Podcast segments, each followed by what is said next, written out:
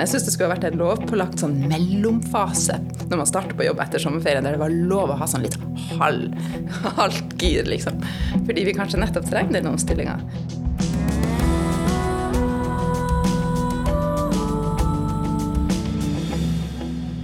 Velkommen til Lørdagsuniversitetet Mini, en podkast fra UiT, Norges arktiske universitet.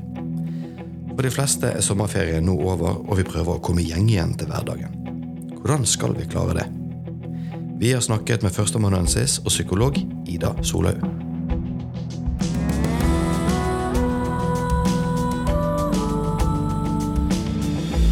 Ida Solhaug, velkommen til LU Mini. Takk. Du er da psykolog, og har òg jobbet en del med stressmestring og mindfulness og den type ting. Stemmer det? Ja, stemmer, stemmer. Og du er her for å snakke om sommerferie. Eller egentlig mer overgangen fra sommerferie til arbeidsliv. Ikke sant. Som jo faktisk kan, eh, kan by på stress. Paradoksalt nok, kanskje. Hvis vi begynner litt med altså, hva, hva er en god sommerferie? Mm, ikke sant.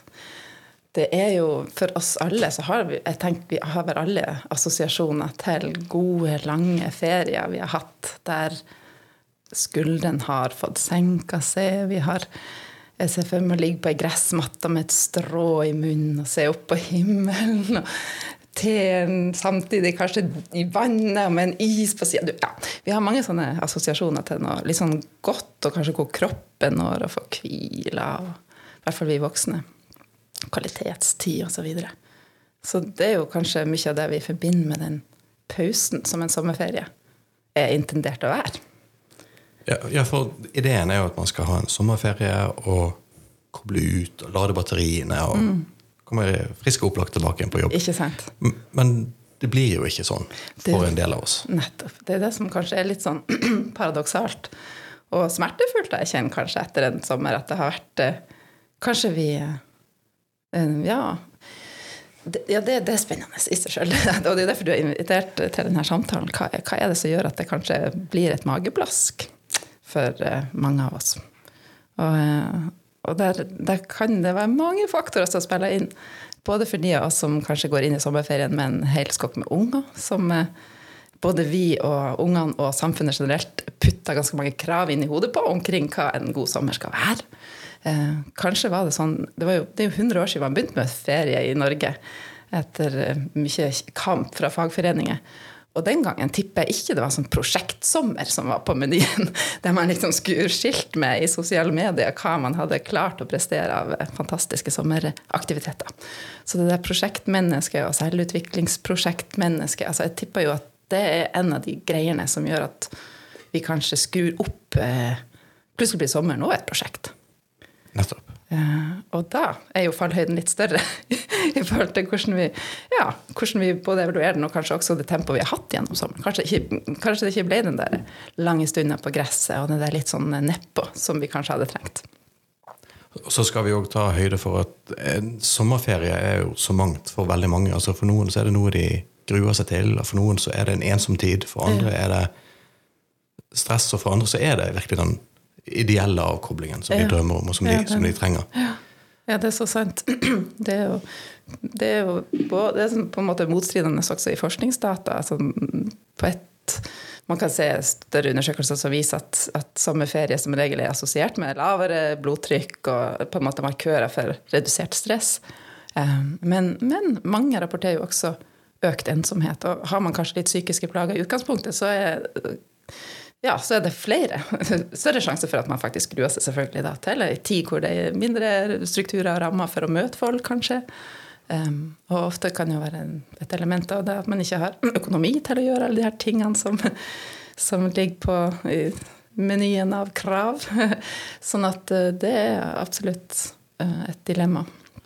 Eh, du var jo litt inne på det i sted òg, men er det litt sånn at for mange så er du sa at sommerferien er et prosjekt, men det er òg et, et, prosjekt hvor man skal vise for andre ja. hvor bra det er. Altså, tenker jeg på selvfølgelig sosiale medier, men òg egentlig du må komme tilbake etter ferien mm. og ha noe bra å fortelle. Ja, det er, er det sånn? Det der, det, ja, jeg, jeg, jeg, har det ikke litt en tendens til å være litt sånn. Det er jo noe vi i hvert fall i så fall kunne prøve å, å opponere imot. fordi hvor sunt er det der? Det er jo en del av det som den psykologien jeg er opptatt av, denne mindfulness-psykologien, eh, snakka om at de her evinnelige sammenligningene som vi jo så fort gjør, der vi sammenligner oss med hverandre og lurer litt på om jeg kommer bedre ut eller dårligere ut, at det i seg sjøl er virkelig en kim til stress og angst og, og uro nesten uansett om du, du liksom vurderer sjøl over eller under målstreken, fordi da må jeg jo fortsette å, å keep up. Så den der evinnelige tendensen til å sammenligne oss som blir fora også av alle de her sosiale medier, alle, alle de her eksponeringene for på en måte hva vi hver har klart i våre prosjekter. Eh, så, så jeg er en fortaler for å på en måte ikke på en måte hoppe på det der så fort. Eh, og, og hoppe litt av den karusellen så godt vi kan, da. Kanskje du, du nevnte jo mindfulness her et par ganger òg. Kan du egentlig bare kort forklare hva, hva er det mm. Ja, jeg skal prøve. Det er jo Egentlig så er det jo um, På norsk så bruker vi ofte å snakke om oppmerksomt nærvær, og det er jo en kvalitet vi alle vet hva er. Kanskje barn er de vi, vi vet om som er aller best til å være til stede i det som skjer her og nå. Og legge vekk, eller på en måte hoppe ut av mentale Eh, runddanser med fortid og fremtid og sammenligning og alt det her som jo fort kan linke til depresjon og stress og angst i sin ytterste er på en måte konsekvens. Så, så, så, når det er en bølge i psykologien som kanskje får mer og mer oppmerksomhet, så handler det jo om kanskje oppøve en sånn naturlig evne vi alle har, men styrke den. på en måte, Evnen til å kunne ta et steg ut av en sånn karusell som vi ofte danser inn i mentalt. Så kan eh, det gjøres på mange måter. Det kan vi jo prate om. Men, men, nettopp den der evnen til å på et eller annet vis stoppe litt opp, og se hva er det jeg Hva er det som farger linsen min akkurat nå? Og, og hvor fører det meg hen når jeg er farga av f.eks.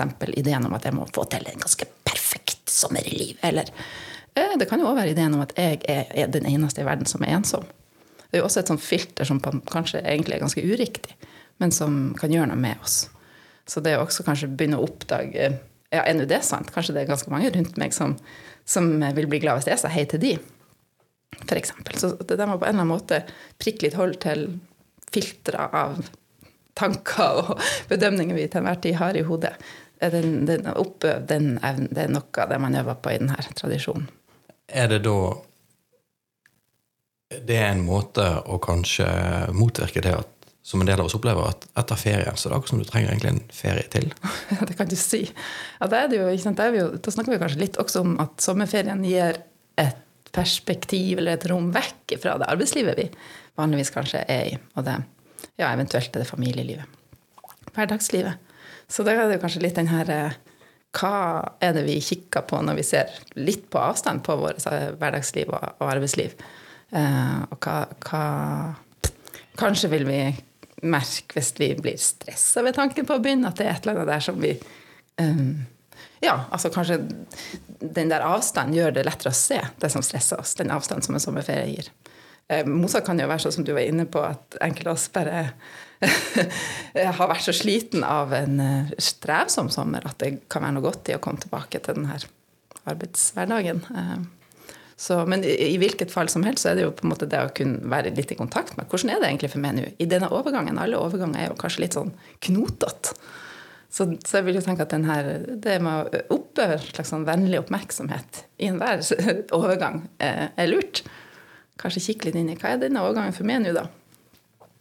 Ja, så hvis du skal ha en eh, Ja, jeg kan jo ta et tilfeldig tenkt eksempel, da, men eh, en far som etter en ferie har eh, hatt det veldig fint, men det har òg vært mye eh, sånn ungemas og mm. hektisk og mye reising. Mm. Og så er det fremdeles Skolen har ikke begynt helt ennå, mm. men jobben har begynt, og så skal man samle tråder. Mm. og mm.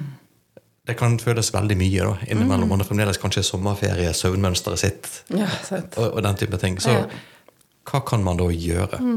Sånn jeg, igjen, jeg, kunne satt inn en liten mor inn i samme, det samme bildet. Jeg kjenner meg vel igjen. Ja, hva kan vi gjøre? Altså, kanskje igjen litt det der 'keep it simple', så godt det lar seg gjøre. Det er jo litt uh, i tråd med de her tradisjonene. Kanskje det å, Ok, stikk fingeren i jorda. Hva er mulig å få til her i oppstarten? Jeg syns det skulle vært en lovpålagt sånn mellomfase når man starter på jobb etter sommerferien, der det var lov å ha sånn litt halv, halvt gir, liksom. Fordi vi kanskje nettopp trenger den omstillinga. Så hvis vi sjøl i hvert fall kunne være litt rause med oss sjøl og si ok, keep it simple, det blir pølse de fleste dagene, jobber kanskje ikke like lenge, og det får være greit. Det er ekstremvær i nord i hvert fall, med varme. Altså litt sånn hvordan kan vi på en måte stoppe litt opp, sånn at vi ikke for fort uh, er tilbake i en eller annen sånn Det er veldig, veldig sånn stressa tempo da, som fort kan oppstå i denne overgangsperioden, tror jeg, sånn som du sa. Så ja, man, man må rett og slett gi seg sjøl lov til å være litt slapp. Ja, det syns jeg faktisk. Så, så er, men så er det jo òg enkelte yrker og hverdager hvor det, det bare ikke går an. Ja. Det er sant. Hvor det, er, det går i ett fra start til slutt. på en måte. Ikke sant? Og kanskje sjøl der vil kunst Jeg vet ikke. Kanskje kunsten der også er at den ene foten må settes foran den andre. Jeg må ta ett steg av gangen. Og igjen, hvis jeg er for på en måte inne i en sånn øh, på en måte for, Kanskje for Stress er jo liksom ofte en sånn tilstand der jeg der på en måte opplever at kravene ikke helt matcher ressursene mine. Og det liksom overstiger litt. Så det er på en eller annen måte og, og da blir vi lett litt reaktive. Når vi liksom skrur oss opp og tenker 'shit, det her når jeg ikke', osv. Men å handle fra det moduset jo, blir ofte, gjør ting ofte bare verre. Så det igjen der også kan jeg kan jeg stoppe opp eh, mikro, liksom tre minutter eller fem minutter, der jeg liksom puster litt ut og setter føttene i jorda og tenker det her er, hva er det verste som kan skje? Altså, Tillate altså sånne små forankringer midt i ei sånn litt travel periode. Jeg tror er veldig mye på. at Det, på en måte en, det, det, det kan høres banalt ut, men det er ikke enkelt. Og det er kanskje noe av bidragene i de her tradisjoner som, som, angir enkle måte, metoder for bare forankring. Bør ikke å gå på lang retreat eller tidagers kurs. Altså, her og nå kan jeg alltid spørre meg sjøl ok, hvordan er det jeg forholder meg? Hvordan kan jeg litt klokere navigere her og nå? Så er det jo, som du sa, at du kan jo ta det enklere på noen arenaer. Ikke sant? Mm, det jo ikke sant, ja. Godt poeng. Kanskje det er noen steder jeg kan skru ned hvis det koker litt på jobben. Mm, ikke sant? Og det, tenker det handler jo òg om klarhet til å liksom sortere litt i hvilke verdier som skal guide meg til enhver tid. Hva som er uh, viktig å forfølge nå. Hvordan kan jeg ja, ta godt vare på meg sjøl i jobben, og hvordan kan jeg liksom ha det, ha det godt med de jeg lever med. Så liksom, ja Være i, i kontakt med det. Jeg tenker det blir ikke lettere å være i den verdikontakten hvis det sprenger for fort. Hvis det liksom sprenger fort fra nå alt. Da kan vi jo fort miste, miste oss sjøl. Så, så, det blir nesten et spørsmål om verdier, på et vis? Ja, jeg syns egentlig ofte det er det som kanskje demrer for meg, i hvert fall jeg sjøl tar meg i å bli oppkava og stressa. Så har jeg mista litt sånn kontakten med kanskje litt sånn mer grunnleggende verdier jeg har i f.eks. arbeidslivet. Jeg kan for f.eks. la oss ta denne situasjonen med å skulle gjøre et intervju, så kan det være sånn at jeg blir stressa på bakgrunn av hvordan jeg fremstiller meg sjøl, og så blir jeg litt sånn øh, oppgira osv. på en måte som gjør at jeg kanskje ikke klarer å tenke så klart. Men hvis jeg forsøker å puste med magen, sette beina i jorda før jeg går inn i studio med deg, og kjenne litt på hva er egentlig verdiene bak en sånn situasjon som det å snakke med eh, noen andre om ting jeg syns er spennende. Jo, jo, nettopp nysgjerrighet, læring å være sjenerøs, formidling. Ja. Og det kan hjelpe meg litt. Så jeg, selv om det liksom er litt stressende, så kan det være i kontakt med hva er verdien her.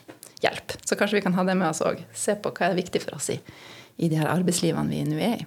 Og så kommer vi òg til et punkt nå hvor eh, nå, blir, altså, nå, er vi fremdeles i august, og eh, her vi sitter i Tromsø, er det jo veldig fint sommervær. Um, det varer ikke lenge, det vet vi jo. Mm. Hva, har du noen råd for hvordan vi nå går en ting er liksom første uken tilbake etter ferie, eller andre uke, men hvis du ser sånn på liksom den buen inn mot vinteren nå, mm. hva er viktig å ha i bakhodet da? si det.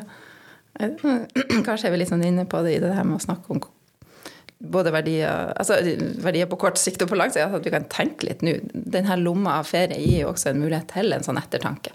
Hva vil jeg skal guide eh, handlingene mine i løpet av denne høsten? Hva skal være lede på en måte, hvordan kompass skal jeg navigere etter? Hva er retningen som er viktig å gi næring?